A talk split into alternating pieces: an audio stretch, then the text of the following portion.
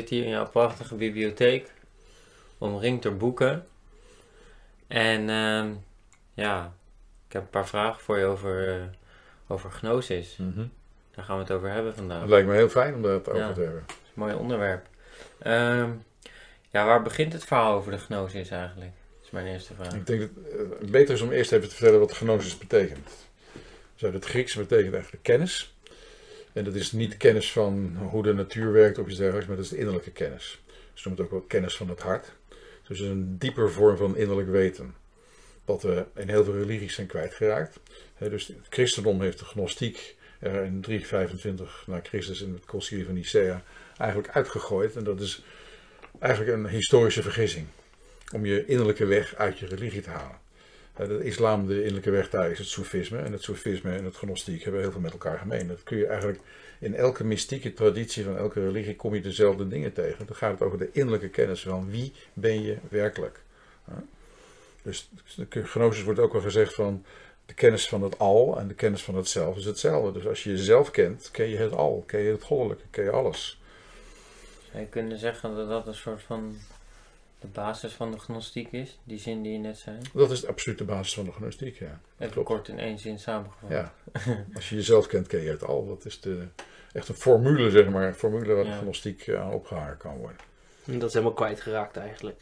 Dat is in veel religies is dat kwijtgeraakt. En met name in het christendom, omdat ze er dus dat eruit hebben gegooid in het concilie van Nicea. Toen ze dus gingen samenstellen wat de kanon van de kerk was en wat dus de, de geschriften waren die gelezen mochten worden.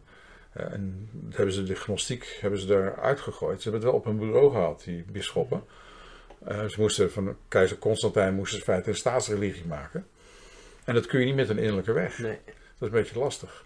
Nou, we hebben er wel aan te danken dat dus daarna eh, werden de, alle boeken die dus niet tot die kanon hoorden, werden verboden. Op straffen van excommunicatie. En daar hebben we in feite de Naghamdi geschriften aan te danken dat, dat die er nog zijn. Die- Want wat er gebeurd Ja. is, is dat die, die monniken bij het plaatsje Genoboskion, het huidige Naghamdi, die hadden een kruik en daar hadden ze hun bibliotheek in gestopt. En die heeft daar 1600 jaar als een tijdscapsule in het zand gelegen. Dat vind ik waanzinnig interessant. Dat dat gewoon daar heeft gelegen zonder dat er iets mee gebeurd is. Terwijl dus de, de kanonieke evangeliën, eh, alles wat in de Bijbel kwam, dat is in al die eeuwen gewoon steeds aangepast en aangepast en veranderd. En dit niet. Het is gewoon als een tijdscapsule gewoon gebleven wat het toen was. Dat Hier zit geen ego in.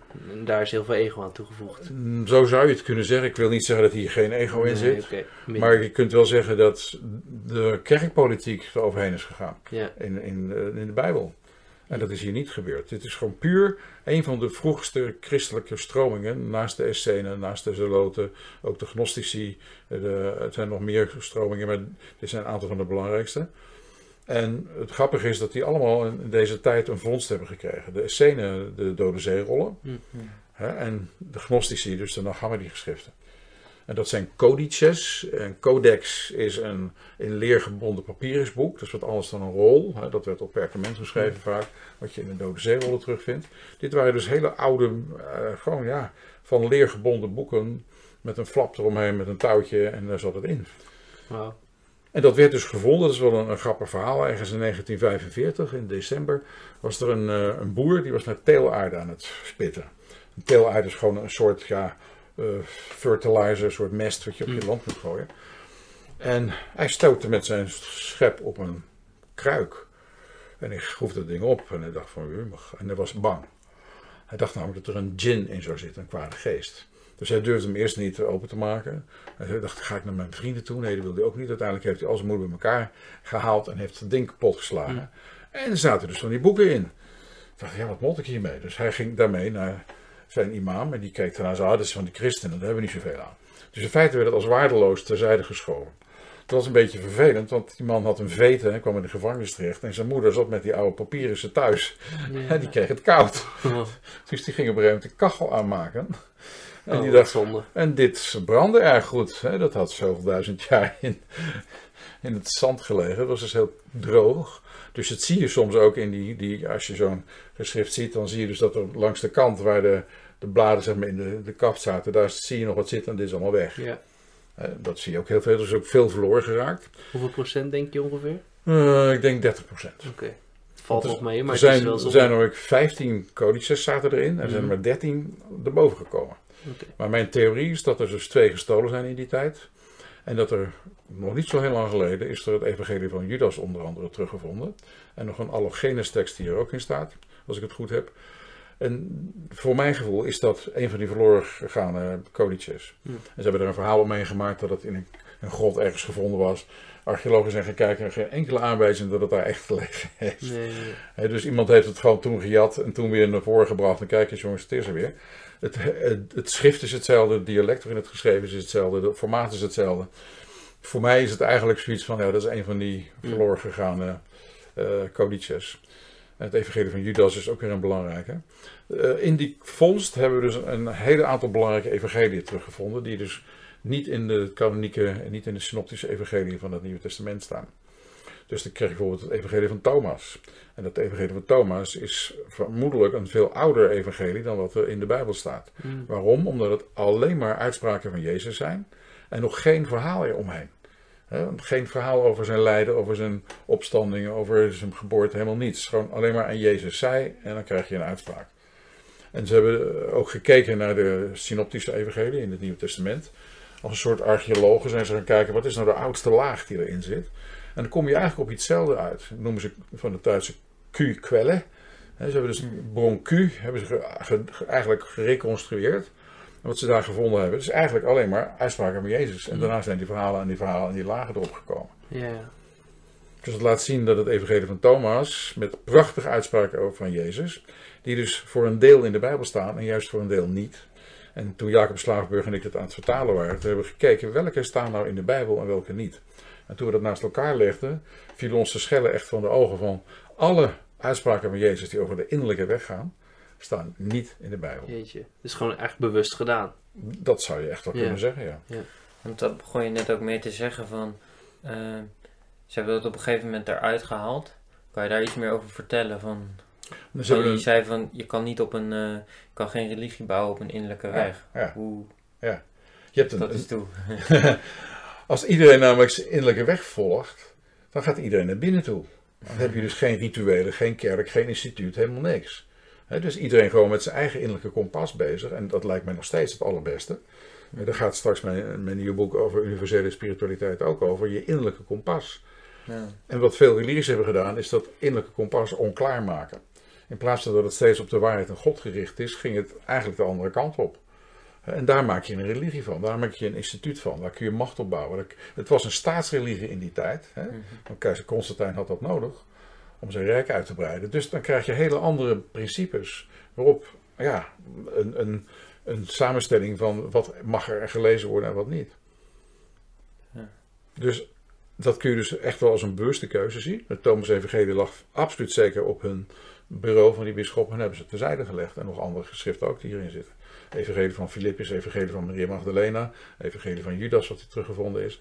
Dat zijn natuurlijk allemaal evangelieën die iets heel anders vertellen dan wat wij gewoon in de traditionele christendom leren. En nog steeds is daar nog iets van, nou liever niet, hè, vanuit de kerk. Ja. Want dat raakt dingen weer in, in opspraak en in tegenspraak van wat er nu in de Bijbel staat. En dan Exact. krijg je dus tegenstellingen. En, Ja, je kunt zien dat de Bijbel is door mensen samengesteld. ja. Eh, het geloof is altijd dat het door God is samengesteld, welke erin wil staan en welke niet.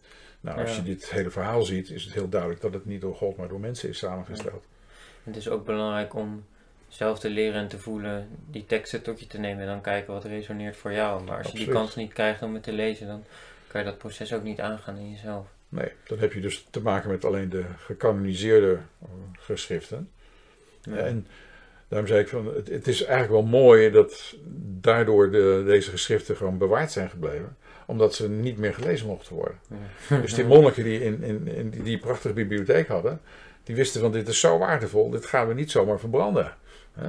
Wat eigenlijk de bedoeling was. Dus die hebben het in die kruik gedaan en begraven. Wauw, ja. En dat, heeft dus, dat vind ik heel bijzonder dat juist in deze tijd, waar ons bewustzijn dus ook gegroeid is, is het teruggevonden.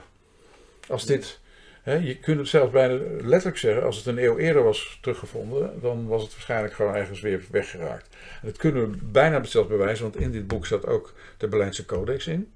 De Berlijnse Codex is in 70 of zoiets gevonden. En daar zat het Evangelie van Maria Magdalena onder andere in. Dat heeft gewoon al die tijd gewoon in de bibliotheek gestaan en niemand heeft het gezien. En pas toen dit er kwam, dachten ze: hey, we hebben ook zoiets toch ergens staan. Ja, ja, ja. Toen zijn ze het tevoorschijn gaan halen. Hebben het dus erbij ingenomen, omdat het gewoon eenzelfde soort teksten zijn. Ja. En wat kan dit soort teksten, wat kan dat ons geven nu in deze tijd dan? Heel veel. Hm. Wat het ons kan geven, is dat je eigenlijk weer wakker wordt voor jouw innerlijk weten. Hm. En jouw innerlijk weten, dan mag je echt gaan vertrouwen. En dat is wat deze teksten doen. Hè? Als je zelfkennis en godskennis aan elkaar gelijkstelt, hoe kom je dus tot God? Nou, niet om ehm, gebeden te prevelen en op je knieën te gaan zitten en dat soort dingen. Hè, wat prima is als mensen dat doen, maar dat is niet de weg naar binnen toe. En dat is wat deze geschriften eigenlijk allemaal laten zien. Ga naar binnen toe. En daar hebben ze allerlei ook mythologieën omheen, scheppingsmythes die, die heel ver gaan. Die zal ik ook nu niet gaan vertellen, want dat gaat veel te ver. Hm. En dat leidt een beetje af. Maar je hebt echt prachtige geschriften die gewoon letterlijk gewoon gaan over die innerlijke weg. Hè, bijvoorbeeld het Evangelie de Waarheid, een van mijn meest favoriete geschriften. Dat, dat is echt, daar zie je dus ook Jezus als een verlossersgestalte. En niet een verlossersgestalte die aan het kruis moet hangen voor onze zonde, maar een wijsheidsleraar. Ja. Die ons in feite oproept van jongens, waak, ontwaak. En heeft ergens is ook een heel mooi verhaal dat hij als parelkoopman door een stad heen loopt en dan parels en parels roept. En dus niet om van radijs, radijs, ik heb goede radijs, koop het. Nee, parels, word wakker en Ja. volg mij. Ja. Dat is heel wat anders. Nou, en dat soort geschriften, dus het Evangelie de Waard is er ook zo eentje, die echt naar binnen gaat. Het is een, groot, een hele lange meditatie die Valentinus in die tijd, in 140 na Christus, geschreven heeft. En Valentinus was een van de grote gnostische leraren, die in, in Constantinopel op een gegeven moment ook een eigen school is begonnen, een gnostische school. Heeft de tijd in Rome gezeten, hij is bijna bisschop van Rome geworden, dus paus. Maar dat is gelukkig niet doorgegaan, want hij kreeg mot met de anderen. Oh ja. En mocht dus ook weer gaan. En uiteindelijk, ja, zijn, hij heeft een hele eigen manier van, van gnostiek bedrijven gedaan. Doordat hij echt van die kern uitgaat van wat is nou waarheid Hm. en wat is geen waarheid. En daar schrijft hij dus over. Nou, misschien is het leuk om het eerste stukje voor te lezen van het Evangelie de Waarheid. Dat is één lange zin, daar staat het hele ding in.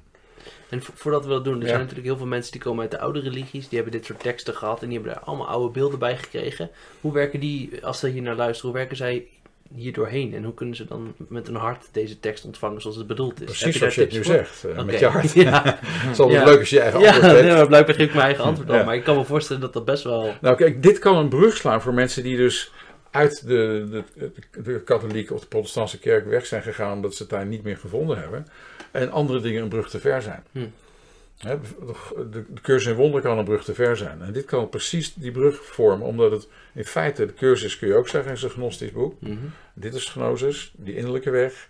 En je kunt dus zeggen, dit is even oud als wat er in de Bijbel staat. Ja. En soms zelfs nog ouder.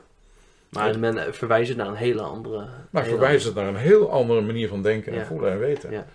Eh, De gnostische gemeenschap had ook niet een priester. Dat was een rolerende rol die ze hadden. Net als een voorzitter die je... Mooi. roleren. Geen speciaalheid dus. Geen speciaalheid, mannen en vrouwen gelijkwaardig. Ja, Dat is ook anders dan wat je nog steeds in het katholicisme ziet. ja, juist. Dus ook geschiedkundig kun je zeggen, dit is een, een andere weg. Dat zijn, je kunt zien, dat is, eh, in het vroege christendom waren er verschillende stromingen. En eentje is naar boven komen drijven door politieke toestanden, zeg Ja. maar. En de andere zijn terzijde geschoven. Maar dat wil niet zeggen dat ze niet waardevol zijn. Oké, ja, dus vanaf, vooral vanuit het hart dit lezen en Yes. dat is de tip.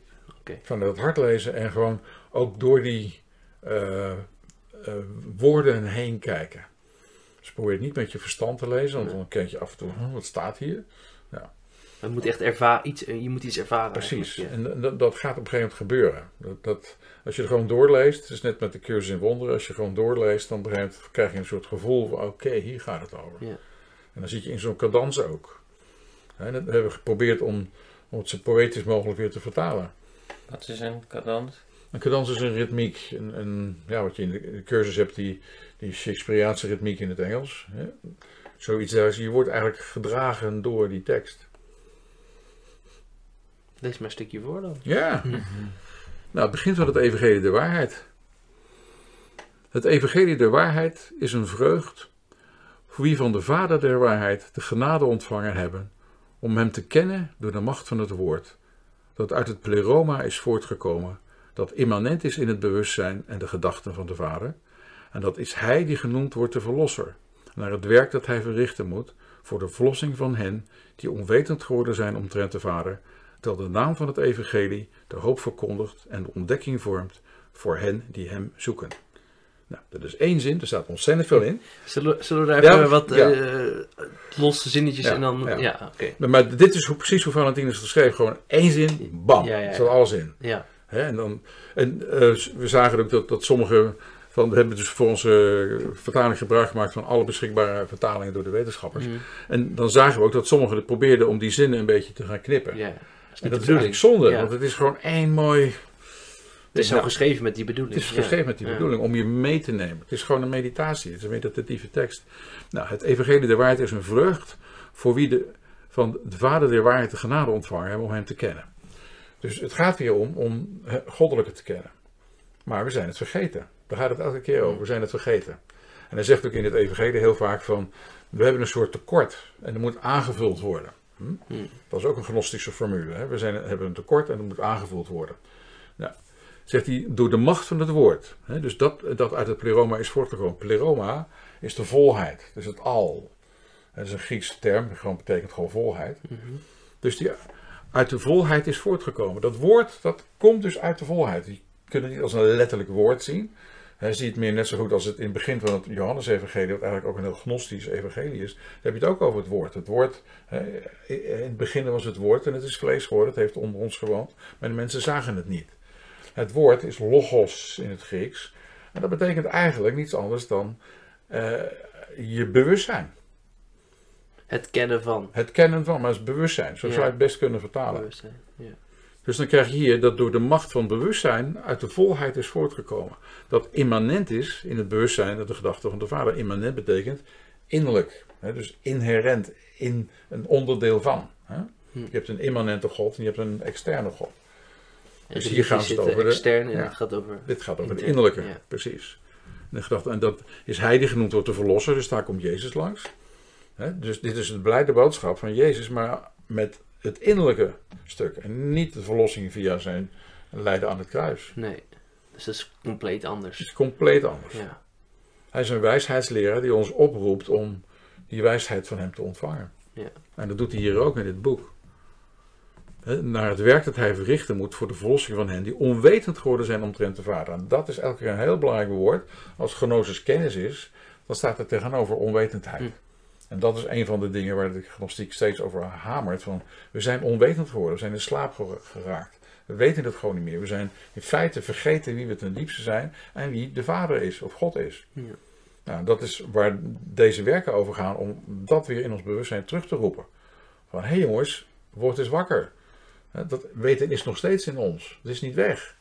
Alleen, we herinneren het ons niet meer. Mooi, ja. En dat is wat dit boek doet.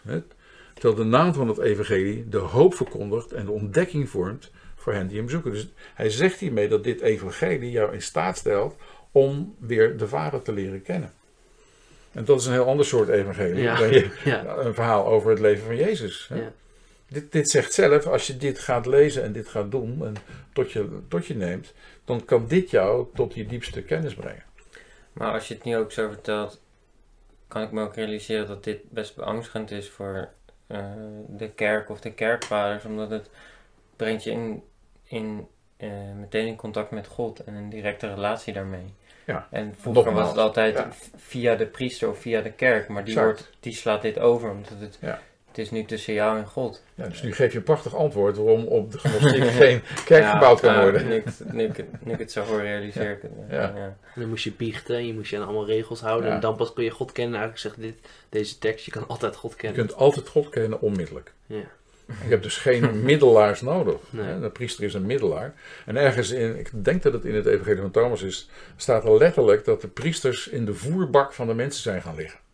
En dat betekent dus dat, dat je dus niet zelf rechtstreeks kunt eten. Dat er zo'n priester in die voerbak ligt. Oh, ja. Jij komt daar en je kunt dus niks. Eten van die kennis weer van Ja. God. Ja, Dat vind ik een heel scherp beeld. Ja. ja.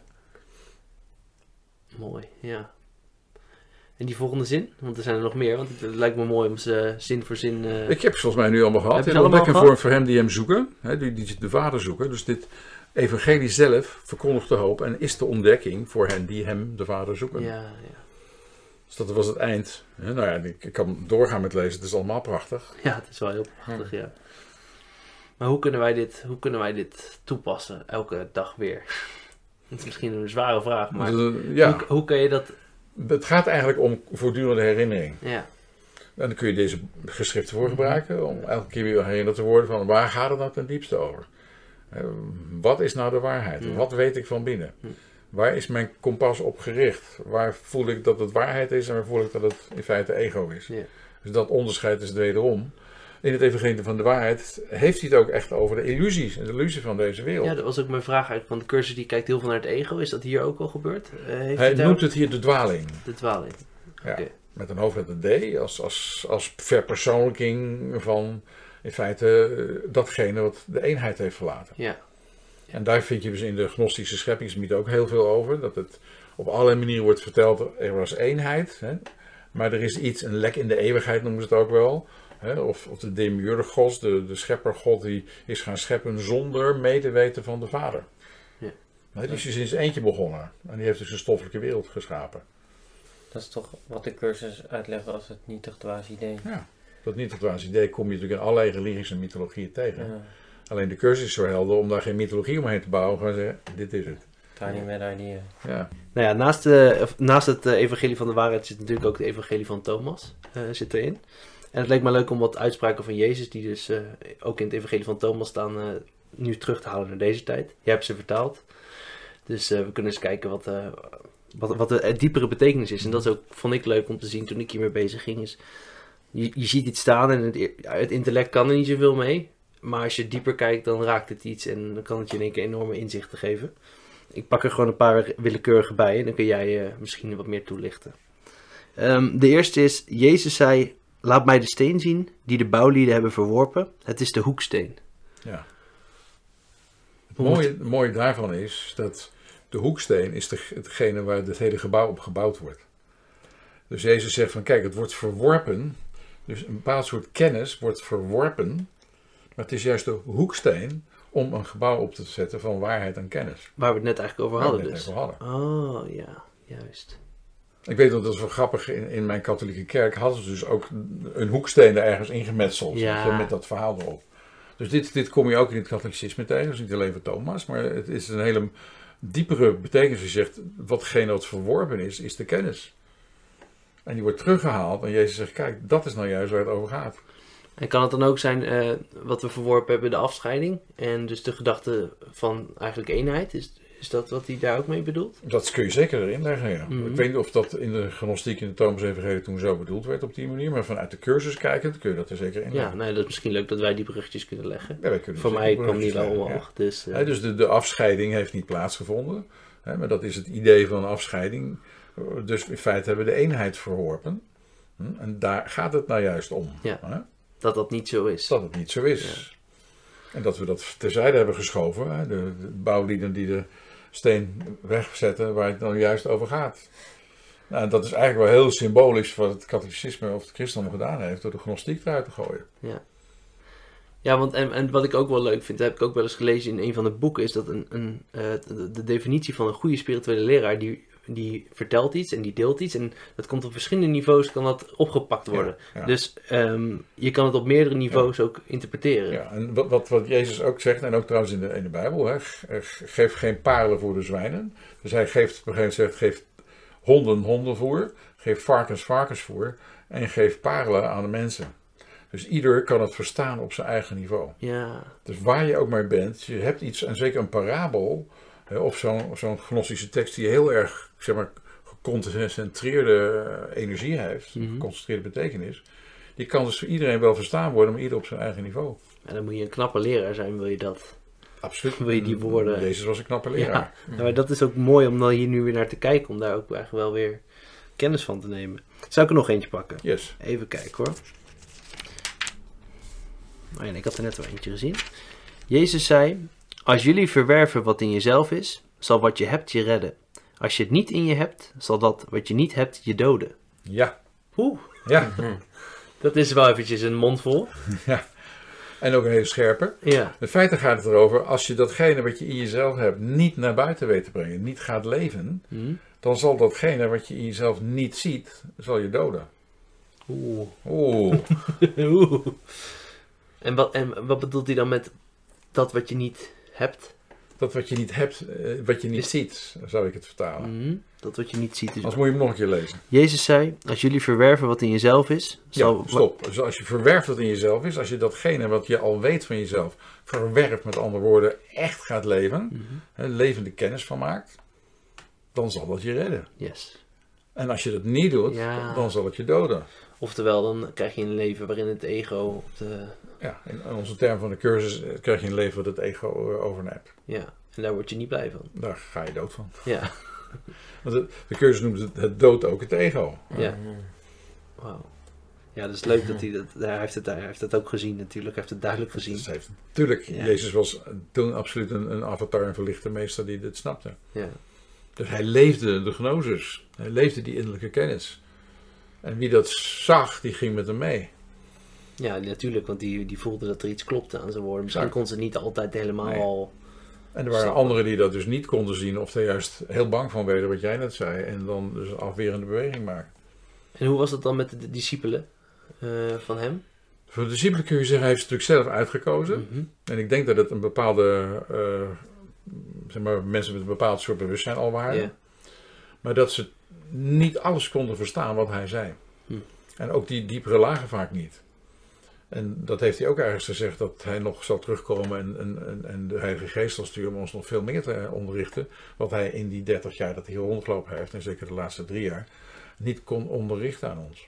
En je kunt ook zien, de, de apostelen waren vissers en timmerlieden. Die hadden dus een bepaalde blik op de wereld. En je kunt zeggen, wat paste daar wat Jezus kwam brengen helemaal in? Ja, een kern van zijn boodschap, absoluut. Ik en de Vader zijn één, dus jij en de Vader en ik zijn één. Dat is in feite zijn boodschap. En er is alleen maar liefde en verder niets. Er is alleen maar waarheid en verder niets. Buiten dat bestaat er niets. En dat zegt hier in deze geschriften ook. Maar ja, dat, dat is wel intellectueel misschien te snappen. Maar hoe doe je dat? Precies. Je moet het kunnen interpreteren op de juiste manier ook. En je kunt ook zien dat de apostelen zeker na zijn kruisdood eh, behoorlijk in een soort schuldstuk waren verdwaald. Waardoor ze gewoon ook wat hij vertelde niet eens meer goed konden weergeven. Tegenovergesteld van wat hij vertelde ook. Een schuld. Eh, hij geloofde niet in schuld. Hij schoof niet de schuld. nee. Ja. En eh, dan had je nog Judas natuurlijk. Ja, Judas, Zijn er zijn er discipelen die dicht bij de verlichting zijn gekomen? Of de verlichting... ja, je kunt het van, van Judas kun je het zeggen, van Johannes kun je het zeggen, van Maria Magdalena kun je het zeggen. Mm. En van Thomas. Nou, het grappige is dat de kerk aan deze mensen op een bepaalde manier aan de zijde heeft geschoven. Thomas is de ongelovige Thomas. Ja, Nou, hij was ook een ingewijde, begreep ook waar het over ging. ja, Maria Magdalena werd een hoer genoemd. ja, dat hoor je overal bijna. Ja. Precies, maar dat was ook een manier van de kerk om haar terzijde te schuiven. In de gnostiek kom je haar tegen als de apostola apostolorum, dus de apostel der apostelen. Zo, ja. Dus een ingewijde die ook precies wist en dus heel nauw naast Jezus was. In het evangelie van Filippus kusten elkaar zelfs. Er wordt vaak geïnterpreteerd als ze man en vrouw zijn, daar wil ik buiten blijven of dat zo is. In ieder geval, ze waren absoluut gelijkwaardige ingewijden. ja. Ze wisten allebei waar het over Ze ging. schreef allebei precies waar het over ging. En hij had deze functie, deze rol om die verlosser te zijn voor ons mensen, om ons te helpen ontwaken. Hmm. Nou, en Judas werd de verrader genoemd. En eh, dat, is, dat berust eigenlijk op een verkeerde vertaling. Er staat in het Grieks paradidonai, dat betekent ook overdragen. Dat werd vertaald als ver- verraden. Maar Judas droeg Jezus over. En dat kan alleen als je ook weet hebt van wat daar gebeurt. Ja. Dus Judas was een ingewijde, wist ook wat er gebeurde. Maar in de kerk wordt hij natuurlijk als de verrader. En in alle geschiedenis eh, wordt hij als de verrader En neergezet. als je zegt wat er gebeurde, kun je dat nog wat meer toelichten? Wat gebeurde er dan op dat moment volgens? In het, eh, wat heel grappig in het evangelie van Judas, wat ook dus teruggevonden is. Daar staat letterlijk in dat hij geholpen heeft zodat Jezus zijn ster kon laten stralen. Met andere woorden, de Christus geboren kon laten worden. En dat voor de mensheid kon laten zien. Nou, dat is een hele andere, hele andere functie dan dat je het hebt over Ja. verraad. Dus het was eigenlijk een, een liefdes... eh, Het was een absoluut. Maar ja, hij had dus de zware taak om dit op zich te Ja. nemen. Wetend dat hij dus voor de rest van de, van de wereldgeschiedenis als verrader te boek zou staan. Maar dat geloofde hij zelf niet, dus daardoor kon hij het ook doen. Hij, hij was Hij in diepere waarheid. Precies, hij stond daar boven. Mooi. Nou, ik ga er nog eentje pakken. Ik Ja. vind het toch wel heel leuk. Ga je gang, Chris. Ik vind het ook leuk. Ja, even kijken hoor. Jezus zei, hij die rijk geworden is, zal heersen. En hij die kracht heeft, zal er van afzien. Daar moet ik even over nadenken. Hij die kracht heeft zal er van afzien. Eh, ik denk dus dat het dan gaat over de niet-echte kracht. Zeg maar de ego-kracht. En dat je daarvan afziet. Ja, En hij die rijk is zal heersen. Dan weet ik eigenlijk van ja, dan gaat het over de materiële kant van de zaak. Maar innerlijk rijk kun je ook zeggen, dan ga je ook heersen. Maar Ja. over je eigen innerlijke je koninkrijk. eigen innerlijke koninkrijk wel. Mm. Ja. Nou, dat hoeft helemaal niet heel lang over nagedacht te worden volgens mij. Het komt nog wel, ja. ja, tuurlijk. Nee, maar dat is ook zo leuk. Daarom vind ik het ook leuk om aan jou te vragen. Want dat je natuurlijk gewoon dit vertaald hebt. Dus dat, dat zit Het ergens zit nog nog in je ergens. zit systeem. ja, ja. precies. Maar dat is toch ook zo mooi aan die teksten, dat het, hij beschrijft iets uiterlijk, maar hij verwijst uiteindelijk naar het innerlijke. Maar Tuurlijk. door dat te onthouden, eh, komt het ook anders binnen. Zeg maar. Ja. Dat hij altijd over iets innerlijks heeft, Uiteindelijk wel. terwijl ja. uiterlijke woorden gebruikt. Ja. Dat is altijd de paradox van als Ja. je over dingen gaat praten waar je eigenlijk niks over kunt zeggen, omdat het een innerlijke ervaring is. Ja. Daar loopt eigenlijk iedereen tegenaan, toch? Iedereen, elke, elke mysticus eh, die zegt het onzegbare is niet, niet te vertellen in woorden. Hè, non-dualiteit, hetzelfde. Al die non-dualisten, wat Advaita Vedanta, hetzelfde. De cursus wonderen ook. Nee, Je moet ook taal gebruiken van de dualiteiten van het ego om ons te verwijzen achter die woorden naar iets wat eenheid is. Symbolen van de symbolen. Twee keer verwijderd van de werkelijkheid. Ja. ja you know it. En toch is die het aangegaan. Nee, is- natuurlijk is het aangegaan. Eh, Ergens zegt hij in het evangelie de waarheid. Hij kwam hier in een, zeg maar, een, een beeltenis van vlees. Met andere woorden, hij kwam hier om in een vorm die wij konden verstaan. Ja. Zodat we met hem konden praten. Maar hij gebruikt dus ook taal die wij konden verstaan. Waar we het net al over hadden. De zwijnen, de honden en ja, de, ja, ja. de mensen. Gewoon heel simpel gehouden. Heel simpel. Ja. En juist die parabels die al die lagen hebben, zijn fan- fantastisch. Omdat daar alles in zit. En dit ook, al die uitspraken. Tja. zijn soort zen-koans, hè, waar je... Ja, ik, ik, ik ben ook heel erg door geïntrigeerd. Ik wil ook dan heel graag wil ik dan die, die diepere waarheid Mhm. grijpen, maar dan moet je er ook weer niet te veel met je. Niet met je kopie. Nee, ik wil er nog aan doen. Ja, goed, ik wist het. Ehm, Jezus zei: De beelden zijn voor mensen zichtbaar en het licht dat daarin is, blijft verborgen. In het beeld van het licht van de Vader.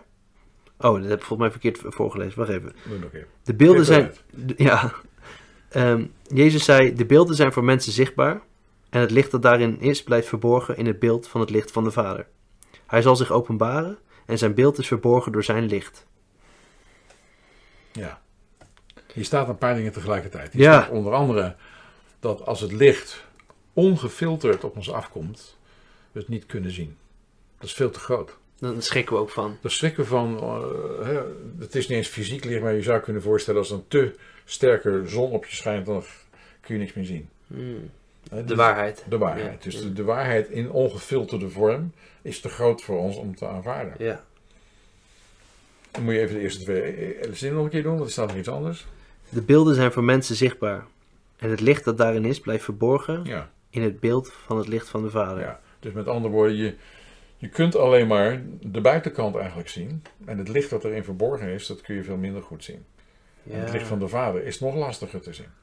Nou, ik vergelijk het wel eens wat, wat ik ooit van Jerry Polsky heb geleerd. Van zie je de lampenkap of zie je het licht. Ja. Nou, dat licht blijft verborgen in die lampenkap. Hè, dus je kunt eindeloos aan de buitenkant van mensen en hun persoonlijkheid blijven kijken. Maar wat voor licht schijnt daar nou in? En dat, dat is wat we allemaal gelijk zijn. Is, dat, is, dat nog, is er nog een verschil te zien bij leraren of bij mensen die verlicht zijn? Denk je dat je toch nog wel door die lampenkap heen iets Natuurlijk, kan merken? persoonlijkheid raak je niet kwijt, toch? Nee, Dat maar bedoel... bij, bij, bij Gadatta, bij Ramana Ja. Maharshi, die persoonlijkheid is er nog steeds. Het lichaam is er nog steeds om een communicatiemiddel te zijn. Ja, maar ik bedoel, je merkt wel toch dat licht dat erachter zit. Dat, Ja, dat, dat ander, dat is anders dan als je eh, zomaar in de Albert Heijn iemand tegenkomt, bij wijze van spreken. Nou, je mag hopen dat ze ook verlicht zijn. ja, je hoopt het. je, je weet het ook niet, maar weet het niet. kan je het merken? Dat is eigenlijk mijn vraag. Kan je het zien aan iemands fysieke verschijningsvorm? Als zijn fysieke verschijningsvorm niet, maar aan zijn ogen wel. Ja, En dat vind ik bijvoorbeeld heel, heel frappant bij Ramana Maharshi. Als je een foto van hem ziet, dan, zie je zijn verlichting. Er zijn mensen die daardoor verlicht geworden zijn door alleen die foto te zien. Of die ineens wisten van, ik moet naar die man toe.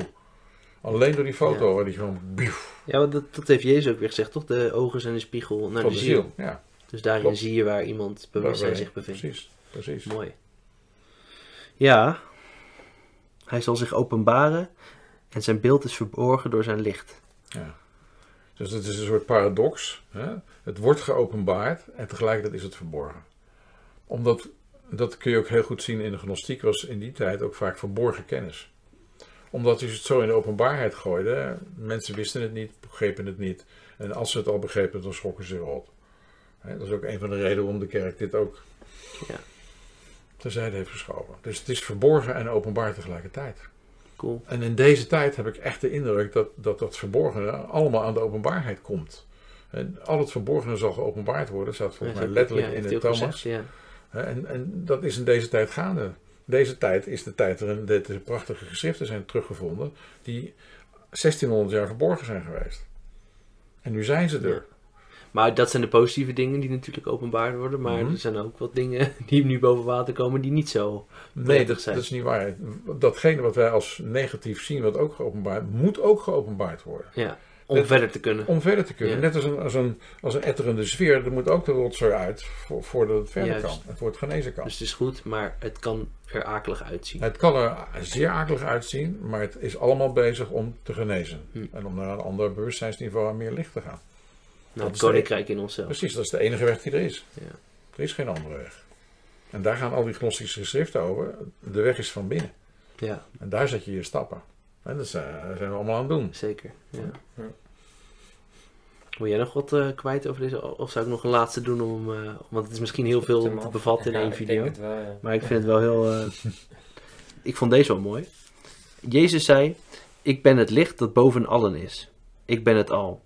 Het al is uit mij voortgekomen en het al was tot mij gekomen. Kloof een stuk hout en ik ben daar. Til een steen op en jullie zullen mij daar vinden. Ja, dat is een Oeh. hele beroemde deze. Oh, Dat ik kloof een stuk hout en ik ben daar. Je stil een steen op, ik ben daar. Met andere woorden, overal ben ik als je goed kijkt. Want ik ben het al. Ja. Dus het al is alles. En Jezus is het al. Maar dat zijn wij dus ook. Ja. En dat moet je erbij zeggen. ja, want het lijkt wel. Hij zegt: Ik ben het licht dat boven allen is. Daar lijkt het net alsof hij zichzelf. Maar dat is totaal niet wat hij bedoelt. Maar ik ben het licht dat boven allen is. Alsof hij boven anderen staat. Maar dat is totaal niet wat hij bedoelt. Het al. Het al is. Boven het al is. Het staat wel allen, maar het, is het al. Het is gewoon het pleroma. Alles. De totale schepping. Ja, Maar hij, ja, hij, hij is natuurlijk, hè, vanuit de gnostiek zie je nog steeds, eh, God heeft eerst een, een zoon geschapen, wat ze dan in de gnostiek de pre-existente noemen, dus die nog voor het bestaan is. Pre-existent, Mhm. voor het bestaande. En dat is eigenlijk de echte schepping van God. En dat wordt ook ge- geassocieerd met de Christus. En Jezus en de Christus worden ook met elkaar gelijkgesteld. Dus in die zin kun je zeggen, ja, hij ging aan al het vooraf. Ja, aan al het scheppende vooraf. Ja. En hier staat dan boven het al. Dus je kunt zeggen, hij ging vooraf aan het al. Maar, daar, maar hij zegt wel dat we het allemaal in ons Yes, hebben. yes, of course. Ja. Want anders zou het een hele merkwaardige toestand zijn dat wij uitgenodigd worden om Jezus na te volgen. Maar helaas zijn we niet hetzelfde, zei hij. ja. Nou, dat is wel wat wordt gezegd eh, Dat wordt in gezegd. alle oude eh, Ja, religies. maar dat heb ik nooit kunnen geloven. Nee. nee, dat klopt gewoon niet. Dat klopt, dat kan niet kloppen. Anders kun je niet die uitnodiging aangaan. Nee. Ja, hij was de zoon van God, ja, en wij niet. Ja, hoe, hoe dan? Hoe kan ik hem dan volgen? Dan wordt het heel lastig. En hoe, hoe, hoe kan ik dit volgen? Want ik een stuk hout en ik ben daar, Ja. til een steen op en jullie zullen mij daar vinden.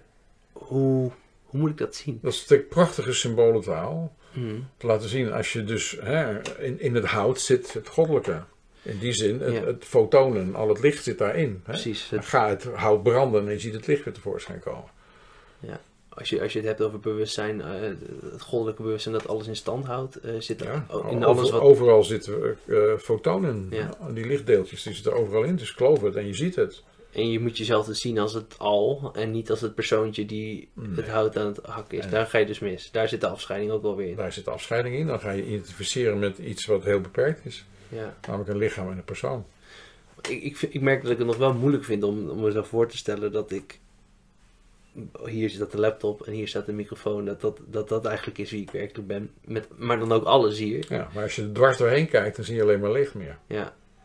Dan be- bestaat deze stoffelijkheid ook alleen maar uit lichtdeeltjes. Poeh.